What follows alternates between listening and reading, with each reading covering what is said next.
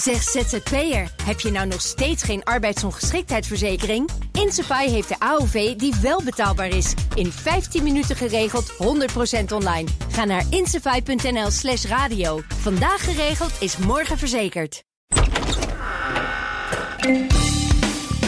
Studio Den Haag van vrijdag 8 december met in onze Amsterdamse studio. Eigenlijk moeten we misschien toch nog eens over die titel nadenken, uh, Leonard. Ja. Uh, in onze Amsterdamse studio Leonard Beekman, Matt Wakkerman, ook goedemorgen. En ik ben Mark Beekhuis. Ja, ik zeg goedemorgen, want dat is het voor ons nu. Het is 10 uur.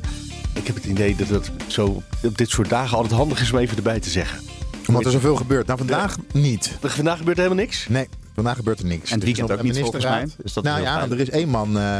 er zit iemand met een typemachine natuurlijk gewoon. En die is bezig. Ja, Plasterk. Ronald Plasterk. De verkenner. Uh, dus ja, die heeft verkend. Die weet wat hij moet weten. Dat is op zich ook heel fijn om je dat te realiseren. En? Voor een wetenschapper, volgens mij is dat nooit waar. Sinds woensdag is de lucht geklaard. We zijn eerlijk tegen elkaar geweest. Um, en van beide kanten de pijnpunten op tafel uh, gelegd. En volgens mij heeft dat de lucht wel wat geklaard. Ik heb het gevoel dat de lucht gelukkig is geklaard. Dat we het gevoel hebben dat, dat de lucht voor een groot deel geklaard is. Nou, dat, dat, dat, dat de lucht is geklaard. Nieuws is dat we over pijnpunten die we met elkaar hebben besproken, ja, dat de lucht lijkt te zijn geklaard. Uh, maar het is wel goed dat het uh, gesprek er was. Uh, anders had het de lucht ook niet geklaard. Ik kan het mezelf ook bijna niet meer horen zeggen. En het zelf ook niet meer aanhoren. Maar misschien morgen na het tweede gesprek dat ik u wat beter kan bedienen. Maar het helpt nu niet als ik meer zeg dan dit. laat mij raden, de lucht was geklaard. De lucht is geklaard. Wat betekent het? Er was gesprek tussen Pieter Omtzigt en Geert Wilders. Jawel, maar was de lucht eerst uh, niet geklaard? Ja, er zat natuurlijk wel wat pijn. Nou, Ze hadden Twitter-ruzie gehad. Of nou, Twitter-ruzie. Ja.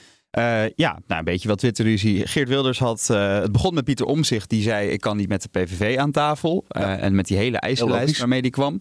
Um, nou, en toen uh, werd uh, Pieter Omzicht werd een katholieke gluiperd genoemd. En uh, kom gewoon aan tafel, Pieter. Hij werd, hij werd CDA 2.0 genoemd met zijn politieke ik spelletjes. Je uit, kom aan tafel, gluiperd. Ja, dat is, toch, en, en, dat is en, toch geen uitnodiging? En, niet, en ook niet onbelangrijk, Geert Wilders verraden dat hij een, een, een gesprek had gehad met Pieter Omzicht van ja. een uur lang op zijn kamer. En dat was een gesprek waarvan Pieter Omzicht volgens mij wel graag had gewild dat dat een vertrouwelijk gesprek was gebleven. Ja. en dat heeft Geert Wilders onthuld. Dus die verhoudingen waren toch wel een beetje op scherp gezet. Okay. Dus die lucht moest denk ik wel worden geklaard. Ja, en het goede nieuws was dat uh, Pieter Omtzigt het met hem eens was. Ja. Pieter Omtzigt, wij begrepen dat de lucht is geklaard tussen u beiden. Het is een uh, stuk opgeklaard, ja zeker. Een aantal dingen gewoon uitgesproken van beide kanten. En de lucht is een stuk opgeklaard. De lucht moest op een aantal punten geklaard worden. Dat hebben we vandaag gedaan. Maar was het inhoud een inhoudelijke lucht? Was het een Twitter-ruzie lucht? Nee. Wij zijn aan het tekst verklaren op die lucht. Jullie zijn aan het tekst verklaren. De lucht is een stuk geklaard. U ziet mij vandaag sowieso wat vrolijker dan anders. Maar dat heeft ook andere redenen, moet ik zeggen. Hè. Uh, eindelijk zit ik met een fractie van 20 in de Tweede Kamer. Dus ik ben in een goede bui vandaag. En dat wil ik ook graag zo houden. Nou, ze kunnen gewoon weer met elkaar praten. Ja, en, uh, de ruzie is bijgelegd. Ja, en de volgende dag kwamen ze ook naar buiten. En toen werd ook duidelijk ja, dat er echt een volgende stap is gezet. Ik wacht rustig zijn advies af, maar ik heb er vertrouwen in dat hij een advies kan uitbrengen. Ik ga nu nog even met mijn fractie spreken. Het was een goed en constructief gesprek. Dus het is niet zo dat ik hier sta met, oh, we lopen weg. Als dat die vraag is. Ik zit constructief in deze sfeer en ik neem dit stap voor stap. Ja, beide, zowel Geert Wilders als Pieter Omzicht zeiden... we hebben vertrouwen in het eindverslag van de verkenner, Ronald Plasterk. En dat betekent natuurlijk, als je dat zegt, dat je hè, een volgende stap kan gaan zetten... en in ieder geval met elkaar aan tafel gaat zitten. Uh, ja, wat dat betekent, dat weten we natuurlijk nog niet. Want, met elkaar aan tafel zitten. Ja, ja dat er nog over de inhoud gesproken worden. Uh, nou ja, bedoel, het kan zijn dat je nu probeert om eruit te komen. Het kan ook zijn, uh, we hadden het vorige keer over dat de EOVD zei... we moeten zeker met de PVV gaan praten vanuit de VVD. Want dan wordt duidelijk dat we niet met z'n in een regering kunnen. Uh, dat is de enige manier om erachter te komen, is met elkaar praten. Dan weet je dat het niet kan lukken. Dat kan, dat kan de inzet zijn, bij wijze van spreken. Ja, want er zit, de, de vraag is nu, hoe ga je het met elkaar doen? Ja, wat ga je met elkaar doen en hoe organiseer je het? Ja, en uh, waarop kan je het wel eens worden en waarop kan je het niet eens worden? En hoe zorg je ervoor dat de ander de formatie laat mislukken? Nou, dat, hoe, ja, dat is gelijk heel erg. Uh, of hoe zorg, of hoe zorg je iedereen dat je een beetje zijn zin krijgt? Ja, dat is ook een optie. Is er bijvoorbeeld een manier om de principiële bezwaren van omzicht met het programma van de PVV. Uh, om daar een weg omheen te maken. Uh, in de vorm van dat we niet gewoon een klassiek meerderheidskabinet gaan vormen. Maar dat er een andere vorm wordt gekozen. Waardoor die bezwaren kunnen blijven bestaan. Maar er toch op bepaalde vlakken een samenwerking nodig is, mogelijk is. Ja. Kan de NSC misschien gedoogsteun gaan geven aan een uh, kabinet van PVV, VVD en BBB. Wat ze misschien zelf liever willen. Maar dan zal de VVD uh, moeten terugkomen op wat ze eerder hebben gezegd. Het kabinet van PVV en BBB met gedoogsteun van VVD en NSC dan. Ja, dat is dan is nog een stapje verder. Dan wordt het wel heel ingewikkeld. Want er hoeft er maar één van de twee er geen zin meer in te hebben. En dan kan het wel klappen. Dus dat is denk ik iets te iets te tricky. Maar je hebt ook volgens mij, ja, wat is een extra parlementair kabinet? Ik weet niet precies wat dan het verschil is met een zakenkabinet. Maar um, dat zijn allemaal dingen die dus uh, aan tafel besproken zouden kunnen worden. Maar Pieter Omzicht heeft ook wel gezegd: een van de eerste dingen die dan op tafel zouden komen te liggen, zijn wel die grondwettelijke bezwaren. Um, dus die zijn er nog zeker. En daar is eigenlijk volgens mij, daar is nog geen beweging in geweest. Dus er is een beweging geweest van Pieter Omzicht naar de tafel. Maar inhoudelijk is er volgens mij nog helemaal niks verschoven. Uh, om zich zijn er wel een paar opvallende dingen. Ten eerste dat er genoeg aanknopingspunten zijn om verder te praten. Dus dat geeft toch aan dat er verder gepraat kan gaan worden. Daarbij, aanstaande maandag komt het eindrapport dus van, uh, van Plasterk. Woensdag wordt daarover gedebatteerd. En hij zei ook, ik ga er eerst met de fractie dinsdag over spreken. Dus hij wil echt eerst dat eindverslag wilde zien... voordat hij inhoudelijk daarover met zijn fractie in overleg gaat. Dus hij laat het wel afhangen van wat uiteindelijk Plasterk op papier gaat zetten. En we hebben natuurlijk nog een klein relletje gehad uh, rondom een papiertje dat zichtbaar was onder de armen van Pieter Omzicht. Ja. Waar, waarop stond. Parodie die, op het uh, functie elders. Uh, ja, de vraag was een beetje: is het nou een mislukte grap of is ja. het echt per ongeluk? Nou, nee, laten we dat geslaagde grap. Ja. Daar de hele met z'n allen 24 uur hartelijk om gelachen. Maar daaruit werd wel duidelijk: het stopt niet in een kabinet. Tenminste, dat konden we eruit opmaken. Met met PVV, NSC en BBB. Betekent dus dat voor Pieter Omzicht de VVD wel noodzakelijk is om er echt in te stappen en niet alleen als gedoogpartner uh, het kabinet te steunen. Ja. Ondertussen heb ik trouwens eventjes opgezocht en ik wilde het al meteen beantwoorden, maar de vroeg me toch niet helemaal helder genoeg uh, of niet zeker genoeg over extra parlementair versus zakelijk. Maar dat zijn echt wel hele verschillende soorten kabinetten. Parlement.com is echt een hele goede bron voor dat soort dingen. Bij een extra parlementair... Gelukkig heeft hij belastinggeld gekregen om overeind te blijven. Ja, nou precies. Extra parlementair kabinet is een, uh, een, een, kabinet zonder regeerakkoord, maar een regeringsprogramma. Waar dus de Tweede Kamerfracties wel of niet bij betrokken zijn. Uh, dus dat is staat dan los van het parlement, zeg maar, de regering. En een zakenkabinet, daar zitten vooral niet politieke personen in. Dus mensen van buiten de partijen ondernemers of ambtenaren of dat soort uh, types. Ah, ja. Dus dat is een, een ander soortige. Uh, en je kan het ook dus een extra parlementair zakenkabinet nog uh, ervan maken als je heel graag wil. ja, we zitten in onontgonnen terrein. Ja. Toch? Met uh, radicaal rechts voor het eerst uh, als grootste. In, uh, dus je, je weet niet wat er gaat gebeuren. Nou, BBB en VVD willen in ieder geval aan tafel gaan zitten en gaan praten. Maar ik heb nu ook wel genoeg gesprekken achter de schermen gehad om te weten dat de VVD, het wordt vaak als een strategie gezien dat zij uh, alleen maar gedoogsteun willen geven. Maar dat heb ik vorige week ook al in de podcast uh, laten doorschemeren. Er zijn echt grote principiële bezwaren uh, tegen het regeren met Geert Wilders. Ja. En bij in ieder geval een flink deel van de partij, niet Nou, de partij, de, partij, de fractie. Oh ja. De fractie van de VVD op dit moment. De achterban is een beetje anders gekleurd dan de fractie bij de VVD altijd, hè? Nou ja, de vraag is natuurlijk... Uiteraard moet je rekening houden met je achterban en ook met de kiezer. Maar je hebt ook gewoon een partijprogramma. Dat heb je voor de verkiezingen geschreven. Er zit een idee achter. En die kan je niet zomaar aan de kant schuiven. Daarbij. Nou, dat vraag je van de PVV zit er, wel. Zit er, uh, ja, dat is dus zometeen. Daar kunnen we het over hebben. Van hoe gaan, we het, uh, hoe gaan ze het nou met elkaar doen? En hoeveel punten moet de PVV dan laten vallen? Want ja, er, er zit nogal een groot verschil tussen wat de PVV wil. En ik zie vooral grote verschillen met de VVD. Ja. Um, om er een paar te noemen: Oekraïne, EU, Nexit bijvoorbeeld, overheidsfinanciën. Uh, zorg, hè, bijvoorbeeld uh, eigen risico. Ja, ik vraag me daar heel erg Stikstof, klimaat. Nou ja, en daar moet je wel met elkaar moet je eruit gaan komen. En dat wordt wel een verdomde lastig om dat te doen. Want je kan niet van de PVV vragen om op alle standpunten het verkiezingsprogramma door de scherder te gooien. Dus waar kom je ergens uit? Want het blijft een coalitieland. Het blijft een land waarin je compromissen moet sluiten. En is de PVV bereid om compromissen te sluiten? Maar ook zijn VVD een nieuw sociaal contract bereid om uh, compromissen te sluiten. En met BBB zie ik het over het algemeen wel goed komen. BBB is natuurlijk willen houden. ietsje kleiner. Um, dus bij BBB zal het misschien relevanter zijn om op een bepaalde punten heel erg dingen binnen te halen. Bijvoorbeeld op landbouw, wat natuurlijk voor hun achterban heel belangrijk is. Of voor de boeren. Of uh, ja, precies, de boeren. Of investeringen in de regio. Dus uh, die kunnen natuurlijk een beetje wat de ChristenUnie ook afgelopen jaar heeft gedaan, dan daarin gaan en op een paar punten proberen zich heel erg te profileren in zo'n groep. In de campagne zijn problemen benoemd waar nu een oplossing voor moet gaan komen. En dat zijn allemaal stuk voor stuk problemen waarbij het niet makkelijk is. Uh, te beginnen bij migratie. Hè, bijvoorbeeld zo'n migratiesaldo van 50.000.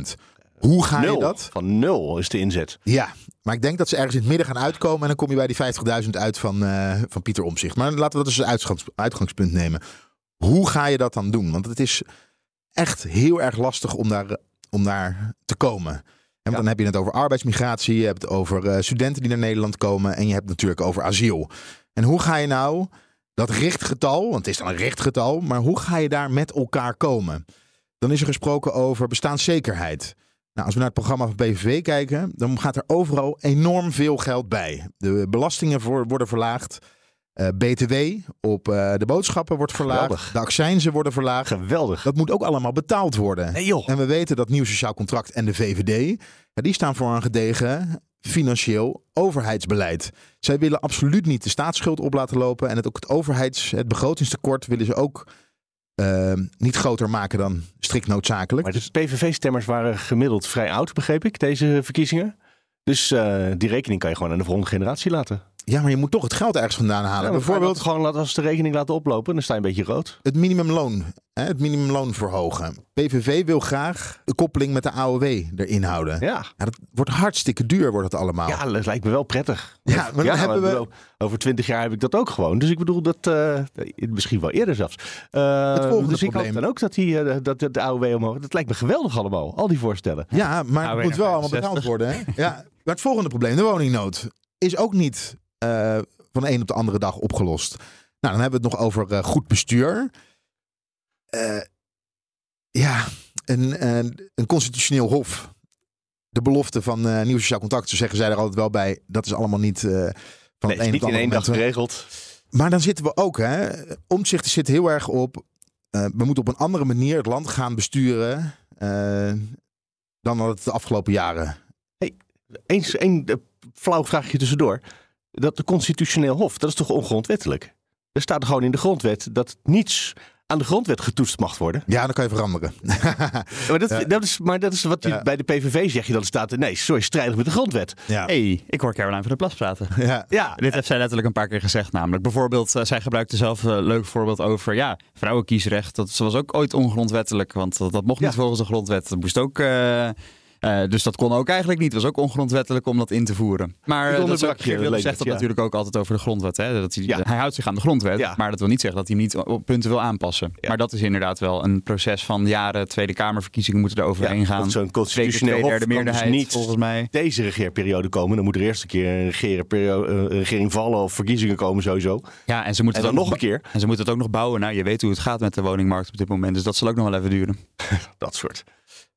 Uh, wat Omzicht ook graag wil is het dualisme versterken. De Kamer moet beter gaan controleren, uh, moet kritischer zijn op het overheidsbeleid. En geen onderrondjes meer tussen fractievoorzitters uh, uit de Tweede Kamer en uh, ministers. -huh. Dat moet echt los van elkaar komen te staan. Maar we weten bij Wilders, en dan is de vraag wat, zijn wat gaat zijn positie worden in een volgend kabinet. De eenmanspartij met uh, zoveel leden. Ja. ja, hij wil overal grip op houden. Hij is een ja. Eh, control freak. Hij is absoluut de baas binnen de PVV. Dus stel dat hij minister-president wordt, kan hij. Nee. Is hij in staat om op nee. afstand van zijn eigen fractie nee. minister-president te zijn? Dus dan zou hij in de Kamer moeten, moeten gaan zitten. Maar wie wordt er dan minister-president als de PVV als grootste partij zometeen ook uh, gaat formeren. Ja, het zijn allemaal hele. Of ik het antwoord heb, maar ik heb dat antwoord niet hoor. Nee, maar dan moeten ze met elkaar over gaan praten. En dan het buitenlandbeleid. Uh, dat wordt echt heel snel, gaat dat heel urgent gaat dat worden. Ook omdat er verkiezingen aan zitten te komen in Amerika. En in Amerika weten we dat Trump nog steeds erg populair is bij de Republikeinse Partij. En uh, geen groot fan is van de NAVO. Nou, dan moet Europa moet daar een standpunt over in gaan nemen. Ja. Ga je dat doen met premier Geert Wilders? Zelf ook kritisch hè, op het buitenlandbeleid. Ja. Nog los van Oekraïne. de Europese verkiezingen die daar nog tussendoor komen ook weer. Europese verkiezingen. Eh, Oekraïne moet over gesproken gaan worden. Ja, de vraag hoe gaan ze het allemaal voor elkaar krijgen? Dat is de meest prangende vraag zometeen aan tafel. Maar ook voor ons, dat moeten we, dat moeten we ze gaan vragen. Hoe gaan ze dit allemaal bij elkaar krijgen? En Oké. Nou, en misschien eh, moet het dan inderdaad toch een zakenkabinet worden. Het, Wilders blijft in de Kamer. Want dat is sowieso de rol die hij het best eh, speelt, eh, denk ik. Uh, Jezilgus zei, eh, we gaan hooguit gedogen. Dus die blijft ook in de Kamer. NSC wil eigenlijk ook niet met de PVV in de regering. Dus die blijft ook lekker in de Kamer uh, omzicht. Nou, dan heb je Caroline van der Plas. Die kan als enige natuurlijk niet in de regering gaan zitten. Dus die blijft ook in de Kamer. Ja. De coalitieleiders blijven gewoon in de Kamer. Elk ministerie heeft een topambtenaar die gewoon eigenlijk in de praktijk de baas is. Als ze nou zijn secretaris-generaal één stapje omhoog zetten. Gewoon die is voortaan de minister. Ja, dan wordt het wel heel erg. Uh... En dan kunnen de, de parlementsleden, kunnen de, de ambtenaren die uh, het, het, ministerie runnen, die daar hartstikke goed in zijn, die ze kunt controleren. Ja, maar die secretaris-generaal, daar is omzicht ook weer kritisch op. Want... Ja, maar die kan die vanuit de Kamer dan heel erg goed controleren. Afgelopen jaren is er een soort banen. Carousel ja, ja, ja. geweest. Zeker. Waardoor daar. De Algemene volgens, Bestuursdienst heet dat. Ja, waardoor er volgens uh, Pieter Omzicht mensen aan het roer staan op de ministeries. die eigenlijk te weinig kennis van zaken hebben. Hij wil dat ambtenaren. Nou, dan neem je misschien niet uh, de SG, maar neem je de directeur van uh, een van de, de grootste directeur, afdeling. Nou, ja, ja. ja de, bedoel, zijn. de chef van Unilever. Nou, dat misschien weer niet. Want waarom zou je een Brits bedrijf hier in de regering zetten? Ze zouden, het ging mij niet om die ambtenaren, maar het ging mij vooral om de gedachte: je zou gewoon een coalitie met alle belangrijke politici in de Tweede Kamer kunnen houden. Dan heeft Omtzigt gewonnen. Geert Wilders hoeft niet in die hele onnatuurlijke uh, premierrol. Uh, Jezilgus hoeft niet toe te geven dat ze toch de regering in wil. Het, is dat niet gewoon waar het, als deze constructie, uh, als deze coalitie met z'n viertjes eruit ja, komt? we zijn veel te ver, want er moet eerst nog gepraat worden. En wat de JOVD ook al zei, als we gaan praten gaat het mis. En ik zie het nu. Het is mooi hè, dat we de JOVD Zeker. nu als toetssteen hebben. In de nee, wereld. maar dat heb, dit heb ik ook wel achter de schermen bij de VVD gehoord. Uh, het gaat heel lastig worden om op, op inhoud met elkaar eruit te gaan komen. En Jezus zegt ook de hele tijd, laten we nou maar aan tafel gaan zitten. Want dan kunnen we het op inhoud kunnen we verder gaan praten. Nou, misschien dat ze denken, uh, we kijken wel waar het schip strandt, letterlijk. Ja, Oké, dus maar dat zou je ook kunnen doen. Je kan dan inderdaad, ik grapte net dat je een extra parlementair zakenkabinet uh, ervan kan maken. Maar als je die topambtenaren allemaal een regeringsprogramma laat schrijven en niet een coalitieakkoord, dus niet een akkoord tussen de fracties, dan kan, kunnen ze af en toe eens uh, in die vier partijen. En als het nodig is, even over links voor een of ander beleidsdingetje. Ja, dan zou je dus een regeerakkoord... dat dit eventueel ja, maar je zou een, dan in dat geval moet je een regeerakkoord maken waarin, programma wat, waar je heel weinig in vastlegt. Dat denk ik ook, want je zal vaak moeten onderhandelen met die vier partijen en soms eventjes, uh, soms een keertje moeten uitwijken naar uh, GroenLinks PvdA of naar, uh, noemen ze een andere middelgrote partij. Ja, maar ik heb het idee dat nieuw sociaal contract, maar ook de VVD, dat een hele riskante manier van regeren gaan vinden. Want juist met de PVV wil je een aantal punten heel goed vastleggen. Nou, we hebben ze net allemaal al genoemd. Uh -huh. uh, bijvoorbeeld een exit. Uh, dat het niet gaat gebeuren. Uh, je wil in ieder geval met Wilders praten over. Maar dit, dit hoeft helemaal niet. Als je het, als je, nou ja, als je dit, dit soort dingen niet van, vastlegt. Kijk bijvoorbeeld een Nexit. kun je ook zeggen. De, nou, daar leggen we niks over vast. En dat laten we aan de Kamer. Want je weet dat eigenlijk dat ja, de PVV met misschien. Voor. En misschien. Uh, ik weet niet hoe jij 21 erin ja, staat. Misschien, misschien voor hem ook nog wel. Maar dat, dat is een zetel. Precies voor hem. Dan, dan kom je net in de 40. Um, ja, uh, ik denk dat ja, dus van, van links tot, tot midden tot centrumrechts wil iedereen wel in Europa blijven. Dus juist dat soort dingen kun je, hoef je dan niet per se af te spreken. En dan kun je misschien wel afspraken maken op thema's migratie, zorg, uh, wonen, veel binnenlandse dingen eigenlijk. Um, en andere dingen kun je gewoon uh, aan de Kamer laten. Misschien kun je het hele islamstandpunt ook wel aan de Kamer laten. En dan zegt Geert Wilders, ik wil nog steeds Korans verbieden. En dan zegt de rest van de Tweede Kamer, wij niet. Ja. We zitten gewoon een beetje te speculeren over wat er kan gebeuren. Zou er zoiets in de brief van Plasterk kunnen staan? Dames en heren, ik uh, adviseer u uh, eens te overwegen om iets extreems te kiezen. Ik denk dat Plasterk vooral gaat adviseren dat ze om tafel gaan om te kijken naar raakvlakken. En inderdaad nog niet eens per se in wat voor vorm dan ook. Maar ga eerst gewoon maar eens zitten en kijk of je misschien een aantal onderwerpen op papier kan krijgen waar je het met elkaar van denkt, hier kunnen wij wel met z'n vieren stappen in gaan zetten. Want dat is denk ik al echt een eerste stap. Het hoeft ook allemaal niet uh, te snel en gehaast te gaan. Nee, maar je moet wel het gevoel hebben dat je op een route zit die ergens heen leidt. Als je, of, of dat je zeker weet dat het over een paar weken klapt. Dat, je, dat, dat is ook zekerheid. Ja, dat is waar. En dan ga je iets anders proberen. Je, je, je ja, niet dus anders krijg je natuurlijk een soort van de, de, de strategie van Mariette Hamer. Die eh, met iedereen ging praten en alle sectoren erbij ging halen. En alle belangengroepen. En die bleef maar met iedereen praten. En, en alle pijnpunten kwamen pas op het eind een keer aan de orde. En toen was het van, oh, maar dan komen we er eigenlijk toch niet uit. Ja, ja nee. En, dat, en toen waren we weer een paar maanden kwijt. Er is natuurlijk wel een groot verschil als je met elkaar gaat praten. Ehm, en je gaat dat wel doen, dan wil je. Dan ga je niet zeggen, we willen niet. Dat is ook voor de, naar de kiezer toe is dat belangrijk.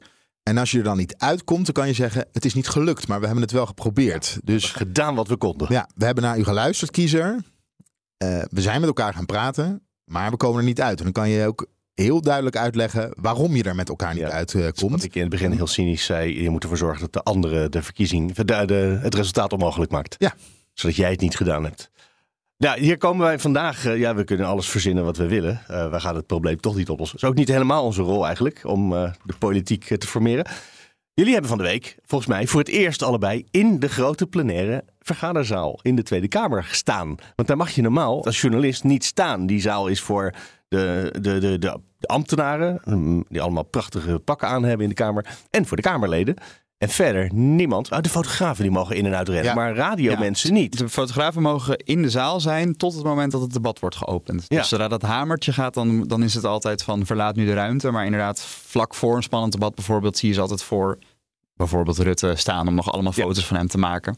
Maar uh, jullie zijn niet geaccrediteerd als uh, fotografen, dus jullie mogen daar. en ik zag jullie heel blij daar uh, ronddartelen tussen de 150 nieuwe Kamerleden en nou, heel het veel wel, Het was een leuke dag, want we moeten even de context schetsen. Het was de installatie van de nieuwe Tweede Kamer. Hè. We hebben twee weken geleden de verkiezingen gezien. daar gaat dan twee weken overheen voordat dan definitief vaststaat wie komen er in de Tweede Kamer. Voorkeurstemmen zijn geteld. Er was nog een hertelling.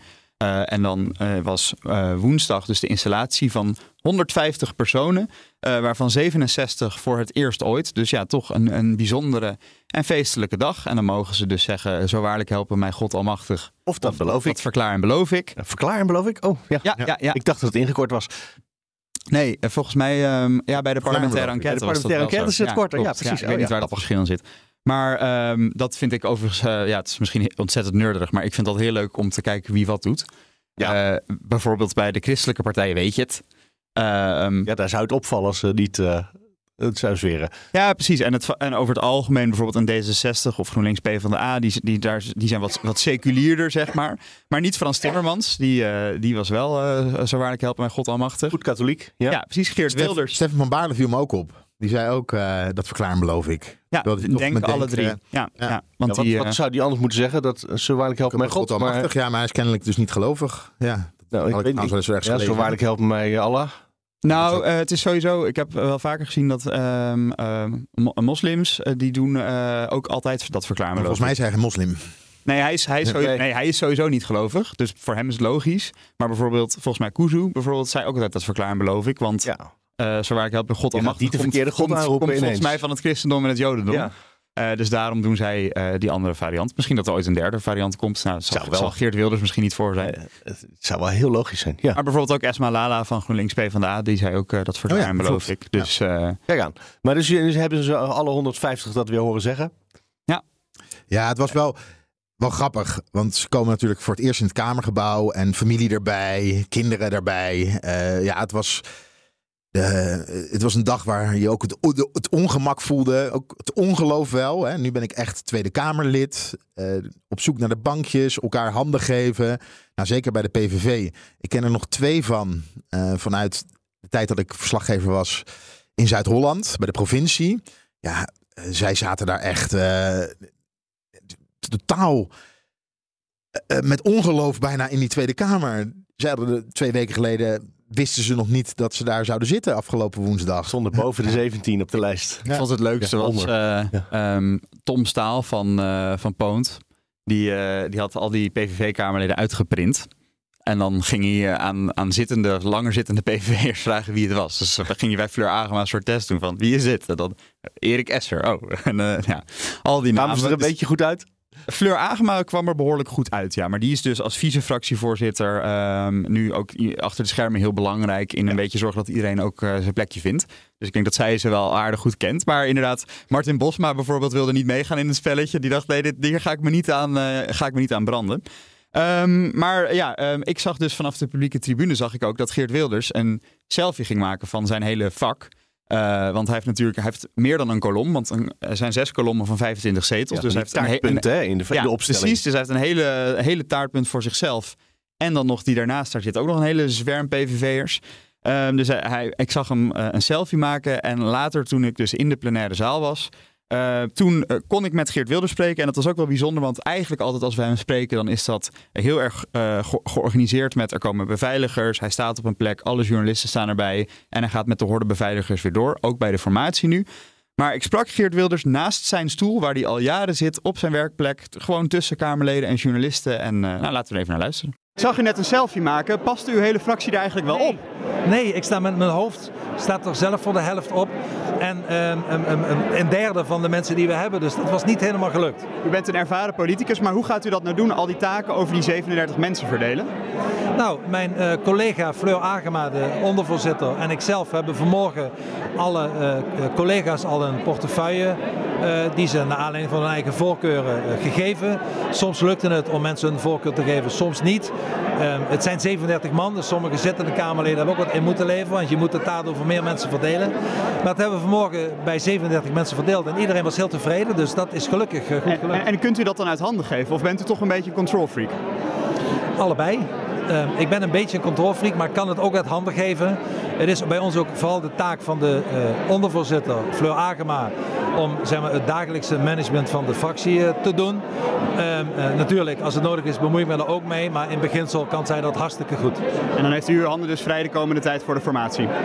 Dat is wel de bedoeling, ja. Ik hoop dat dat allemaal gaat lukken. we gaan vandaag nog bilaterale gesprekken voeren. Maar ik zou het zou, Nederland zou het niet snappen als dat niet zou lukken, dus ik hoop dat dat gaat gebeuren. En ook nog even een borrel met de nieuwe fractie. Een borrel zit er voor mij niet in, want ik heb dadelijk een gesprek, dus een volgende gesprek met de heer Omtzigt. Daar staan wij ook weer, ja. Dus uh, uh, misschien dat ik een borrel daarna nodig heb, maar niet daarvoor. Ik zag dit gebeuren, dat, je, dat, hij dat, selfie, uh, dat hij selfie aan het maken was. En dan kwamen nog PVV'ers ook de zaal ingerend om ook nog op de foto te komen. Maar die waren gewoon te laat. Ja. Dat, dat heeft hij denk ik nooit gezien, Wilders. Want ja. zijn fractie is inmiddels zo groot. Wat ik ook er nog wel... of twee mis je niet. Ja, ja het, het, was gewoon echt niet te doen. En, wat, en dat haar van hem is natuurlijk ook nog wel omvangrijk. Maar um, wat ik hier ook nog wel interessant uithaalde... is dus uh, dat hij twee keer heel specifiek benoemde... hoe groot die rol van Fleur Agema binnen de fractie is. Ja. Um, waarmee hij misschien ook wel een beetje op hint van... nou, dat zou mogelijk een fractievoorzitter kunnen zijn... in het premier. geval dat ik doorschuif naar het premierschap. Premier Agema. Nou, maar Fleur Agema zag ik eerder een ander interview uh, deze week. Uh, ook op hetzelfde moment. Zij uh, werd door de Telegraaf volgens mij geïnterviewd. Waar ze had eerder gezegd: Ik wil wel heel graag minister van Volksgezondheid worden. Want ik, uh, ik doe al jaren zorg. Zit al 17 jaar in de Kamer. Ja. Waarbij ze ook al zei: Ja, die kans is misschien klein. Want misschien ben ik wel heel erg nodig. vanwege mijn ervaring in de fractie. En uh, moet ik daar gaan blijven. Dus daar hoorde ik een soort van die, die twee dingen over elkaar leggend. Hoorde ik misschien een soort voorzichtige optie van. Mocht Geert Wilders inderdaad de premier gaan worden als ze eruit komen dan is, Geer, of, dan is Fleur Agema nodig om die fractie. Uh, hij, hij, vertrouwt haar, anders zou ze niet zes keer op nummer twee hebben gestaan. Dat zij dan de fractievoorzitter wordt. Ja. Mijn hele idee over dat uh, extra parlementaire zakenkabinet is meteen van tafel. Ja. Over extra parlementair zakenkabinet gesproken, dan maak je zelf een mooi bruggetje. Er was iemand heel erg verheugd uh, dat hij niet meer in zijn eentje als één pitter op de achterste rij van de Kamer zat. En die zit met allemaal nieuwe Kamerleden. En we moeten echt nog even namen gaan leren, want ik dacht echt. Ik ken nog niemand. Nee, serieus. Uh, maar dat is elke keer als er de ja. verkiezingen geweest zijn, dan blijken er weer ook weer nieuwe ministers te komen. En dan na vier jaar heb ik ze allemaal onder de knie. Ja, precies. En dan zijn de verkiezingen, of na twee in dit maar goed, voor, voor, mij is het mijn eerste nieuwe kamer. En dat schijnt wel goed te zijn, want dan kun je echt mensen vanaf dag één zeg maar, uh, contact mee leggen en uh, goed contact opbouwen. Ja. Um, maar uh, een blije Pieter Omzicht. Ja. Meneer Omzicht, u heeft vanaf vandaag wat versterking, zie ik. We zijn vanaf vandaag met z'n twintigen, ja. Wie zie ik hier naast u? Dat weet je, Aantjelle Soeboer en uh, Jesse Six Dijkstra en Isa Kareman en Veet Bruining en Nicolien van Vroonhoven en Femke Zeedijk. Ja, u, u kent ze al, wij moeten die namen allemaal nog eventjes gaan leren de komende tijd. Maar oh, je het mij gewoon als... Uh, als even als voor mezelf, ja, ja, ja, ja. Maar het zit, er, het zit er nog goed Merlin in, merk Welzijn, ja, allemaal, die is een beetje ziek, maar die komt toch vandaag. Heel fijn. En, en, en hoe is het nou dat u vanaf vandaag zo'n team heeft van 20 man? Heel geweldig. Want we hebben dezelfde idealen. We hebben lang met elkaar opgetrokken. We hebben nieuw bestuur nodig in Nederland. En er moeten echt maatregelen voor bestaanszekerheid genomen worden. Nou, daar heb ik afgelopen jaar voorstellen voor gedaan. Wanneer je in je eentje bent, dan kun je door 149 man makkelijk weggestemd worden. Nu zijn we met z'n twintigen in het hart. Zet iets meer zoden aan de dijk. Dat zet meer zoden aan de dijk. In het hart van de Tweede Kamer Um, ja, ik zie dat wel. Dit, dit, dit, geeft hoop voor ons. U heeft in alle 19 uh, compleet vertrouwen. U kunt het uit handen geven aan deze 19 mensen. Nou, uit handen geven vind ik altijd lastig. Maar ik heb Daarom vraag ik het. Dat, dat weten jullie. Maar ik heb volledig vertrouwen in deze groep. Het is een geweldige groep die we hier hebben. Dat is wel opvallend, hè? We hebben hier nu een tweede winnaar van de verkiezingen. Pieter Omzicht. Na Geert Wilders hoorden we net ook al. Het zijn eigenlijk mensen die het niet uit handen kunnen geven. Ja. Dat wordt nog wat. Grappig, inderdaad. Nog heel spannend. Dat is ook grappig. De twee, ze zijn allebei gegroeid met 20 zetels, zeg maar. En ze hebben allebei hetzelfde probleem. Ze, ze willen eigenlijk het liefst alles naar zich toe trekken. Overigens, um, omzicht, uh, je hoort het denk ik ook wel aan hem. Maar ik zag het ook wel aan hem echt heel erg blij en opgelucht. En heel blij met het team. Uh, dat team ook leek heel erg leuk met elkaar. Um, en omzicht, je ziet al die momentjes in de formatie dat hij er de pers te woord moet staan en eigenlijk niks kan zeggen. Dan zie je, dat vindt hij vervelend. Dan struikelt hij een beetje over zijn woorden. En dit, dit hier in de plenaire zaal, op die dag van de installatie, was hij echt even ontspannen, vrolijk. Uh, en wat ik ook nog wel een leuk moment vond, was de dag erna op donderdag was er een, uh, een stemmingen. Uh, en dat was een. Sommige stemmingen moet iedereen bij aanwezig zijn, maar dat zijn die op dinsdag en de andere niet. Maar de NSC-fractie was toch met z'n allen gekomen, ja, want ze vonden het nog allemaal stemmen. zo leuk. Ja, ja, ja. Dus, dus, Ja. dus, dat, dus zat die zaal zat half leeg, maar die hele kolom van, uh, van NSC zaten twintig man, allemaal blij die handjes op te steken. Nou, dat vond ik ontzettend schattig. Ik kwam ze woensdag om uh, rond half vier nog tegen in de Tweede Kamer of rond drie Half uur. vier in de nacht? Nee, nee, nee, nee, in de middag. Er zou een foto buiten gemaakt gaan worden met eh, de nieuwe fractie van Nieuw Sociaal Contract. En Omzicht stond dat te wachten onderaan de roltrap. En ik kwam van beneden. En er was een opstopping bij de poortjes. Want door de poortjes komen is soms nog best wel lastig. Dat moet je echt eventjes onder de knie krijgen. Hoe je in de camera moet kijken. Hoe je je pasje moet aanbieden. En Omzicht stond te wachten op zijn fractieleden die het maar niet voor elkaar kregen om door die poortjes te komen. Want ja, daar stonden er zeker tien. Ja, misschien wel 15 stonden er achter elkaar bij die bordjes. Maar het, kon, het lukte ze stuk voor stuk niet. En om zich dat haast, want hij moest namelijk naar de verkenner toe om uh, met Wilders te gaan praten. Dus dat was nog wel eventjes, uh, was wel leuk om te zien. Hè, hoe dan toch ja, de, uh, de, de ongemakkelijkheid, de, het, wennen in die Tweede Kamer als Kamerlid. Om dat ook op die manier een beetje bij elkaar te zien komen. Ik vond het ook nog wel opvallend in, die, in die nieuwe Kamer dus. Um, op de voorste rij zit het CDA nu heel goed vertegenwoordigd. Alleen allemaal mensen die zijn vertrokken bij het CDA. Oh ja. Want, uh, zeggen, want het CDA heeft juist. Het CDA is naar achter geschoven. Nou, ik, ik, zag ergens een foto van, uh, van Henry Bontebal, CDA-leider. Die zit nu in het VVD-vak. En dan zag ik zo de groepsfoto van de VVD. En daar zat hij zo'n beetje met toch niet een heel erg vrolijk gezicht. hing hij in dat VVD-vak. En die zit nu ergens onder het balkon. Hè? Dus die kan je ook vanaf de tribune ja, die wij nu, eens die kunnen wij nu ook minder goed zien. Uh, maar op de voorste rij bij uh, NSC, Pieter Omzicht en Nicolien van Vroonhoven, allebei oud-CDA'ers. En dan hebben we ook nog op de voorste rij uh, van BBB, die is naar de voorste rij ook verschoven. Hebben we Caroline van der Plas, ook ooit CDA. En Mona Keizer, die prominent CDA. Die sprak ik ook nog over haar terugkeer in de Tweede Kamer. Mevrouw Keizer, u bent terug op uw oude plek. Hoe is dat nou? Nou, uh, het is elke keer weer een eer. Ik ben nou voor de vierde keer uh, hier uh, beëdigd als Tweede Kamerlid. Maar ehm, het, is, het, is echt, het is gewoon echt een eer. Je bent een van de 150 volksvertegenwoordigers. Ontzettend veel voorkeurstemmen, ook deze keer heb ik gekregen. Dus ja, dat, het, ja dat, dat, maakt je gewoon dankbaar. Laat ik het maar gewoon wat zwaarder zeggen, maar zo is het. Ja. En waar gaat u zich nou mee bezighouden de komende tijd? Want u heeft natuurlijk al veel gedaan in het verleden. Ja, nou, de woordvoerderschappen binnen de BBB zijn verdeeld. Ik ga...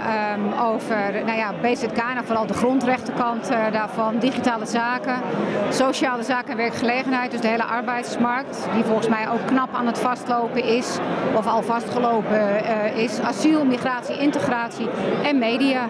Behoorlijk wat. En dan over een tijdje schuift u door, dan wordt u vicepremier, toch? dat, ja, dat weet je dus nooit. Dat weet je nooit hoe het loopt. Uh, Caroline van der Plas probeert echt de, de, dame en heren aan tafel te krijgen om over de inhoud te gaan praten. Zij voorgesteld om een tussenstap te doen, een soort um, uh, fractievoorzittersmanifest, waarin afspraken gemaakt worden over grondwettelijke en rechtsstatelijke grenzen. En uh, daarna wordt het echt de hoogste tijd om over de oplossingen te praten voor al die problemen die Nederland kent. En tot die tijd lekker aan de slag. Ja, zeker. Top. Ja, nou opvallend. Uh, kijk, BBB is dus de vijfde partij met, uh, zeg ik dat goed? Nee, de zesde partij met zeven zetels. Uh, nou, dan zie je al hoe groot die portefeuilles zijn. wat zij allemaal dus in eentje gaat doen. Nou zijn er ook een paar nieuwe Kamerleden die hebben wel een iets kleinere portefeuille. Waarschijnlijk om ook ja, om even het vak ook te, kunnen leren. leren. Zij is ervaren, dus misschien dat zij ook wel makkelijker iets, iets meer kan hebben. Um, maar dit is natuurlijk bij heel veel partijen is dit ook nog iets wat gaat spelen. Hè? bij het CDA, die zijn van 14 naar 5 gegaan. Dus die portefeuilles gaan keer drie. Uh, ik zag Jan Paternotte van D66 tweeten wat zijn portefeuille nu wordt. Nou, die heeft ook in één keer vijf portefeuilles. Die heeft buitenlandse zaken, Europese zaken, uh, koninkrijksrelaties, wonen. Uh, ja, dat is best pittig. Ja, terwijl bij de PVV hoorde ik juist iemand, er werd, er ook al meteen een regeling werd er afgedraaid, hè, met dat ze de agenda gaan opstellen. En daar zei Agema, die had het over zorg ging. sorry, de volgende vraag die komt van een collega. Want die gaat voortaan over, nou was het care of cure. Maar dus hier hebben ze de zorg in twee, tweeën gesplitst. Zodat twee Kamerleden zich kunnen bezighouden met de zorg. En allebei een afgebakend domeintje ja, hebben. Ja, ja, precies. Ik sprak ook uh, Leon de Jong van de PVV. Die heeft de afgelopen jaren al heel sociale zaken en werkgelegenheid onder zich gehad. Uh, waaronder dus ook pensioenen. Maar uh, pensioenen, of het, het casino-pensioen, zoals hij de nieuwe pensioenwet noemde, die had hij moeten afstaan. Vond hij wel jammer. Maar um, ja, dat, ja, dat hoort er nou eenmaal bij met een nieuwe fractie. Je moet, iedereen moet natuurlijk wel. Uh, ja, je moet wat te doen hebben. Wat te doen hebben, ja, precies. Ik vind het wel mooi, ook de dynamiek, uh, zowel in de journalistiek, maar ook de commentaren en ook vanuit de samenleving. We hebben 67 nieuwe Kamerleden. Maar 40 Kamerleden hebben meer dan vier jaar ervaring. En dan krijg je elke keer weer het gesprek. Dat hebben we trouwens twee jaar geleden ook gehad met Wijsglas. Dat er te weinig ervaring in de Kamer zit. En dat er elke keer te veel ervaring uit de Kamer weggaat. Nou, daar valt heel veel voor te zeggen. Verbeet zegt altijd, ook oud-Kamervoorzitter, je moet minimaal vier jaar Kamerlid zijn voordat je het allemaal een beetje ja. onder de knie krijgt. Dat je het werk snapt. Maar een paar maanden geleden kregen we de kieslijsten. En dan krijg je, ja, wat weinig vernieuwing in de top 10 van de VVD. Uh, ook bij uh, D66, uh, vuilbrief hoog op de lijst. De Jan Paternotte weer. Nou goed, dan wordt er gesproken over. Is er wel genoeg vernieuwing? Ja, na twee en... jaar vond ik dat sowieso een beetje iets wat voortijdig om daarover te beginnen. De, ja, maar aan de ene kant wordt er dus om vernieuwing gevraagd. En ja. als de vernieuwing er komt, dan is de klacht... Ja, maar nu hebben we geen ervaring meer in de Kamer. Het is wel het een of het ander natuurlijk. Ja, nou, en, bij, ja, bij, en bij VVD was het inderdaad in 2021 was het een hele nieuwe lijst. Was het echt helemaal omgegooid. Dus het was in die zin voor de VVD wel logisch dat er deze verkiezingen een vrij. Uh, de eerste 15 waren volgens mij de nummer 16 was de eerste nieuwkomer. Dus dat, dat, dat ja. zegt wel aardig wat. Ik zag er nog wel iets interessants over op Twitter. Ik weet niet meer van wie. Die zei inderdaad van ja, er valt wat voor te zeggen. Het is een, hè, een métier, zeggen ze dan altijd. Maar hè, een vak, je moet het echt leren en na vier jaar kun je het pas. Maar de Tweede Kamer is ook heel erg uh, conformistisch als organisatie. Dus je komt daar een soort van in als buitenstaander en je wordt heel erg ja, in dat systeem opgenomen en, en, je, en je past je heel erg aan aan de vaste werkwijze van die Tweede Kamer. Waardoor het misschien ook wel weer een beetje ver afstaat van de burger. Uh, en misschien is het juist wel heel goed dat er een grote groep buitenstaanders een keer inkomt. Uh, waardoor dat misschien iets minder die kans dat dat ook zo zal, zal gaan aanpassen, zeg maar, dat die wat, wat kleiner is. Maar... Dus dat we misschien echt wat, wat culturele veranderingen gaan zien in de Tweede Kamer. Maar dat, ja, wie weet. Dus dat het in die zin interessant kan zijn. Wat we misschien een beetje zagen bijvoorbeeld met uh, Caroline van der Plas toen ze binnenkwam in de Tweede Kamer als, als, als een pitter van de BBB. Uh, hoe ze ook toch ja, zich af en toe moeilijk kon uh, aanpassen aan het systeem. Omdat ze dachten van ja, maar dit is toch gewoon heel onlogisch dat we dit doen. En dat mensen zeiden van ja, we doen het altijd zo. Ja, maar dat is niet, dat is niet wat ik zeg. Ik zeg dat het onlogisch is om het zo te doen. Misschien gaan we dat wel meer zien. En dat kan natuurlijk ook wel gewoon heel verfrissend zijn. En we hebben gelijk de slagkracht van de Nieuwe Kamer gezien. Ja, zo. Want bij de eerste eh, regeling van werkzaamheden stond Fleur Agema bij, de in, of bij, de, bij het katheter om direct debatten aan te vragen die in de vorige Kamer weg werden gestemd. Onder andere, de eerste was een debat over uh, de mondkapjes. Ja, ze had iets heel moois trouwens. Ze zei: Ik heb 35 debatten, zeg ik uit het hoofd. Uh, dat zijn 30 leden debatten. Dat is een enorme lijst waar je vaak twee jaar moet wachten. Vroeger heette dat een spoeddebat, maar dat was echt flauwekulnaam. Want er was, als je het binnen twee jaar geregeld kreeg dat er over gedebatteerd was, dan had je eigenlijk wel geluk. En die wil ik, 35 wil ik inruilen voor zeven nieuwe debatten. Maar dan wel plenaire debatten, moet allemaal, uh, dan kunnen we dingen samenvoegen. Mm -hmm. En inderdaad, wat je zegt, uh, het ene na het andere voorstel haalde het, omdat er ja. de, de PVV zo groot is en dat ze na, maar een heel klein beetje steun van anderen nodig hebben. ook over pensioenen. Dat was heel leuk. Ging een NSC'er, ging een nieuwe, ging voor het eerst uh, ja, een debat aanvragen. Dat was heel schattig. Dan gaan we door naar het verzoek van mevrouw Jozef namens Nieuw Sociaal Contract. Die ik uitnodig. En ook voor haar de eerste keer dat ze achter het spreekgestoelte plaatsneemt. Dank u, voorzitter. Moet ik iets doen? Nee. U kunt gewoon het woord nemen. Dank u. Uh, naar aanleiding van recente berichtgeving, waaronder een interview bij RTL Z vandaag met de baas van het grootste pensioenfonds van Nederland, ABP, maken wij ons ernstig zorgen over de wet toekomstpensioenen. Wij willen graag een debat aanvragen met de minister voor Armoede, Beleid, Participatie en Pensioenen. En dat debat zien wij graag voor 30 januari. Hierbij vraag ik steun voor dit debat. Het wordt heel interessant de komende tijd. Zolang de formatie duurt, zitten we natuurlijk aan de ene kant met die uh, mensen van Rutte 4.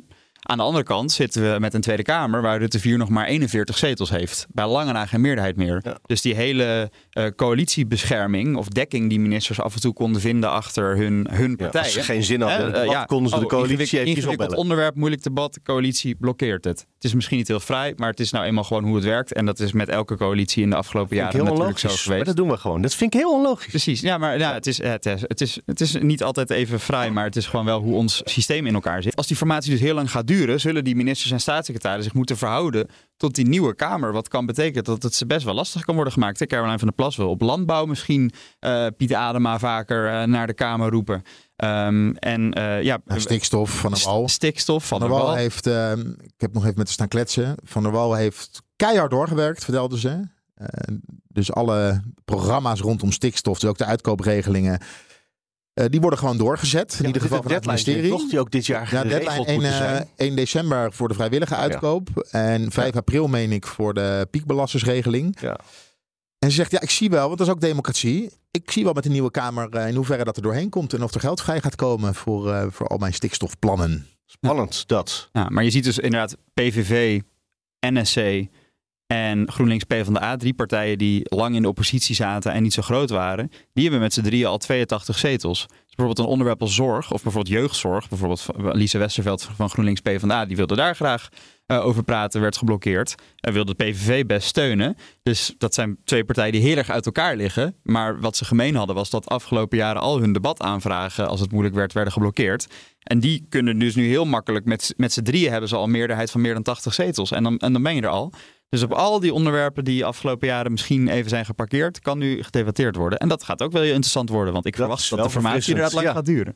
Ja, dat verwachten we. Wat zijn de, de, volgende stappen die nu de komende week gaan gebeuren? Maandag komt er dan de brief, denk ik, van Oom ja, Plasterk. Woensdag wordt daarover gedebatteerd. Dus er moet nog een nieuwe Kamervoorzitter gekozen worden. Ik dacht dat dat vorige week zou, volgende week zou gaan gebeuren. Op donderdag, donderdag gebeurt, ja. ja. Oh ja, ik hoorde ook uh, berichten over dat het nog een beetje later zou zijn, maar dat wordt dus echt donderdag. Volgens mij moet het binnen een week. stond voor donderdag op de agenda, laat ik okay, dat... Nou, uh, 2014, ik zal het je vertellen, uh, want een van de kandidaten die zich inmiddels gemeld heeft is Tom van der Lee van... oh, hij heeft zich echt gemeld. GroenLinks PvdA. En die zegt, uh, graag beantwoord ik al jullie vragen in het Kamerdebat op donderdag 14 december als laatste zin. Okay. Dus dat weten we zeker. Uh, daar kan ik trouwens even iets over laten horen. Want er is natuurlijk deze week gedebatteerd over het functieprofiel van de nieuwe voorzitter. Je weet, Bergkamp die heeft het nu een paar jaar gedaan en die is bijna ingewerkt. Uh, maar die wordt, dus het is heel belangrijk dat je de goede kiest. Het is natuurlijk puur en puur politiek proces. Dus het heeft eigenlijk niet zo zin om daar een pro, uh, zoveel zin om daar een profielschets voor te maken. Maar dat doen ze dan toch. Dus daar is uh, op woensdag over vergaderd. Uh, onder leiding van de tijdelijke Kamervoorzitter. Hoe heet ze ook weer? Rolien Kamminga. Rolien Kamminga. Aan de orde is het vaststellen van de profielschets voor de functie van voorzitter van de Tweede Kamer. De Kamer in oude samenstelling heeft gisteren een ontwerp vastgesteld. Ik stel voor dit ontwerp onder Kamerstuk nummer 26.448 nummer 2 ongewijzigd vast te stellen. Kijk, al dus besloten. Nou, dat was het debat. Dat was het hele debat. Maar ze zegt natuurlijk wel, we hebben hier gisteren al, uh, dat, heeft, dat was nog voor, de, dat was nog de oude Tweede Kamer. Gisteren heeft de oude Tweede Kamer hierover uh, vergaderd. Dus, Kamerstuk 36448 nummer 2. De Kamer in de nieuwe samenstelling zal over de definitieve profielschets besluiten. En de Kamer in haar oude samenstelling biedt daartoe een ontwerp aan de nieuwe Kamer aan. Ik stel voor om de ontwerpprofielschets vast te stellen. Al dus besloten. Uh, dit was het debat uh, van deze week. Ze hebben er bij elkaar 40 seconden over vergaderd. Uh, en... is natuurlijk wel eerder al over gepraat. ja. Ja, Eh, ja. Kamminga zou zelf toch ook eh, een kamer, of, eh, Kamervoorzitter willen worden? Dat is een van de namen die rondgaat. Ja, Ja, Eh, want ik vind Martin dat zij Bosma het meldt zich over het altijd algemeen heel goed doet. Dus zijn we Bosma, Van der Lee en Kamminga. Ja. En dat Kamminga wel... eh Ja, zij is nu in ieder geval tijdelijk voor een week. Maar die heb ik ook een quote van. Normaal gesproken hebben we dan nog, eh, hebben we eigenlijk nog geen Kamervoorzitter, want die kiezen we pas volgende week. Maar dan moet er iemand het tijdelijk doen. En normaal gesproken is dat eh, scheidend voorzitter. Maar aangezien die niet terugkeert in de Kamer, ben ik het als eerste ondervoorzitter. En voor hoe lang mag je dat dan gaan doen? Dus in principe een week. En dan hebben we gewoon de verkiezingen en dan wordt er een nieuwe Kamervoorzitter gekozen. Bent u dan ook kandidaat? Moeten we nog even kijken. Eerst maar eens even deze week. De profiel komt nog naar buiten en dan maar eens even over nadenken. Wat ik nog interessant vind aan Kamminga, kijk, aan de ene kant is er het feit dat de VVD, waar zij van is, heeft ook al de Eerste Kamervoorzitter. En het is volgens mij een beetje een soort ongeschreven regel dat je niet allebei tegelijk hebt. Aan de andere kant, eh, stel dat Martin Bosma van de PVV zich gaat kandideren, krijg je misschien een situatie waarbij links denkt, ja, Martin Bosma, dat is echt helemaal niet acceptabel voor ons. Waarbij ehm, de, de mensen op echt rechts, zoals de PVV, denken: ja, we gaan niet een linkse Kamervoorzitter in de vorm van Tom van der Lee benoemen. En dat er dan een soort meet in de middel wordt. Ja, en wie blijft er dan over als ze zich kandidaat stelt? Roelien Kamminga. En wie weet wie zich nog meer melden allemaal, hè? En wat wel grappig is, er was... De Kamer heeft gedebatteerd ook over, nou ja, of in ieder geval een motie aangenomen over dat de Kamervoorzitter uit de oppositie moet komen. Maar de Kamervoorzitter wordt gekozen voordat er een kabinet is. Dus het is heel lastig om een Kamervoorzitter voorzitter te kiezen vanuit een oppositiepartij. Want ja, Nou, een wordt, nee, nee, een wordt, SP'er moet wordt, wel... eh, wordt de VVD een oppositiepartij? Nee, dit, is, dit was een abonnement en het was verworpen. Ik heb hier eh, Ja? Oh, ik heb Ja. Joost Sneller hierover eh, Oké. zien. en je eh, weet zien vrij tweeten. zeker Ja, dat ja. eh, de SGP Ja. niet in de regering komt of de SP Ja, of de nou ja, Partij goed, van Maar, de maar, de PVV had ervoor gestemd. Ja. Dus dat was wel interessant. Want eh, dat werd Martin Bosma volgens mij nog voorgehouden. Dus die kan dan, eh, dan kan de PVV kan gewoon wel op eh, Timmermans eh, als voorzitter van de Kamer stemmen. Nou, dat lijkt me wel een onwaarschijnlijke. nee, dat zal ook niet. Eh, Tom van der Lee wordt eh, kennelijk hun eh, kandidaat. Ehm, en we zijn er, hè, denk ik. Ja, ik heb nog wat leuks voor Heb je nog het wat einde. leuks op het ja, einde? nou, echt leuk is het Is niet, leuk maar... op het einde wat we moeten niet vergeten dat Dat zeg je er altijd bij, dat het echt niet echt leuk nou, is. dit keer is het Ik ook vind echt, het echt niet heel erg leuk. Zeker hoor. niet voor eh, het slachtoffer. Oh, ja. Dinsdag, dat moeten we niet vergeten, is er ook afscheid genomen van de Oude Kamer. En ik heb het op een zeer bijzondere wijze heb ik dat gedaan. Door in de parkeergarage van de Tweede Kamer tegen de auto van een vertrekkend Kamerlid aan te rijden. ja. ja, Romke de Jong. Zijn auto... Toten los? Nee, nee. Ik heb hem echt een heel klein stukje bij het inparkeren ben ik heel zacht er tegen aangekomen. Ja. Doordat ik mijn bocht iets te wijd nam. Maar er zat wel een flinke kras op. Dus ik heb nu een schadeformulier met de naam Romke de Jong. eh, en dat moeten we dus samen gaan afhandelen.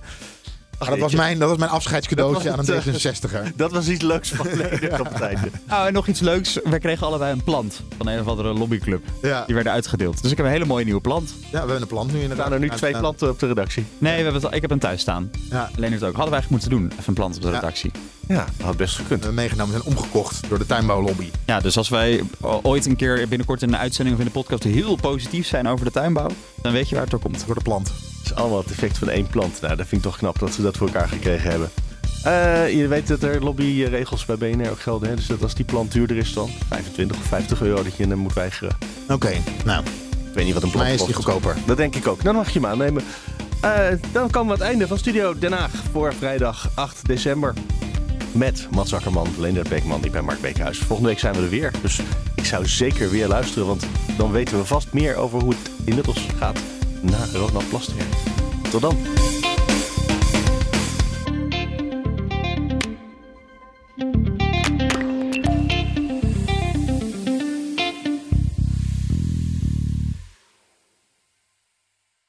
Zeg ZZP'er, heb je nou nog steeds geen arbeidsongeschiktheidsverzekering? Insafai heeft de AOV die wel betaalbaar is. In 15 minuten geregeld, 100% online. Ga naar insafai.nl slash radio. Vandaag geregeld is morgen verzekerd.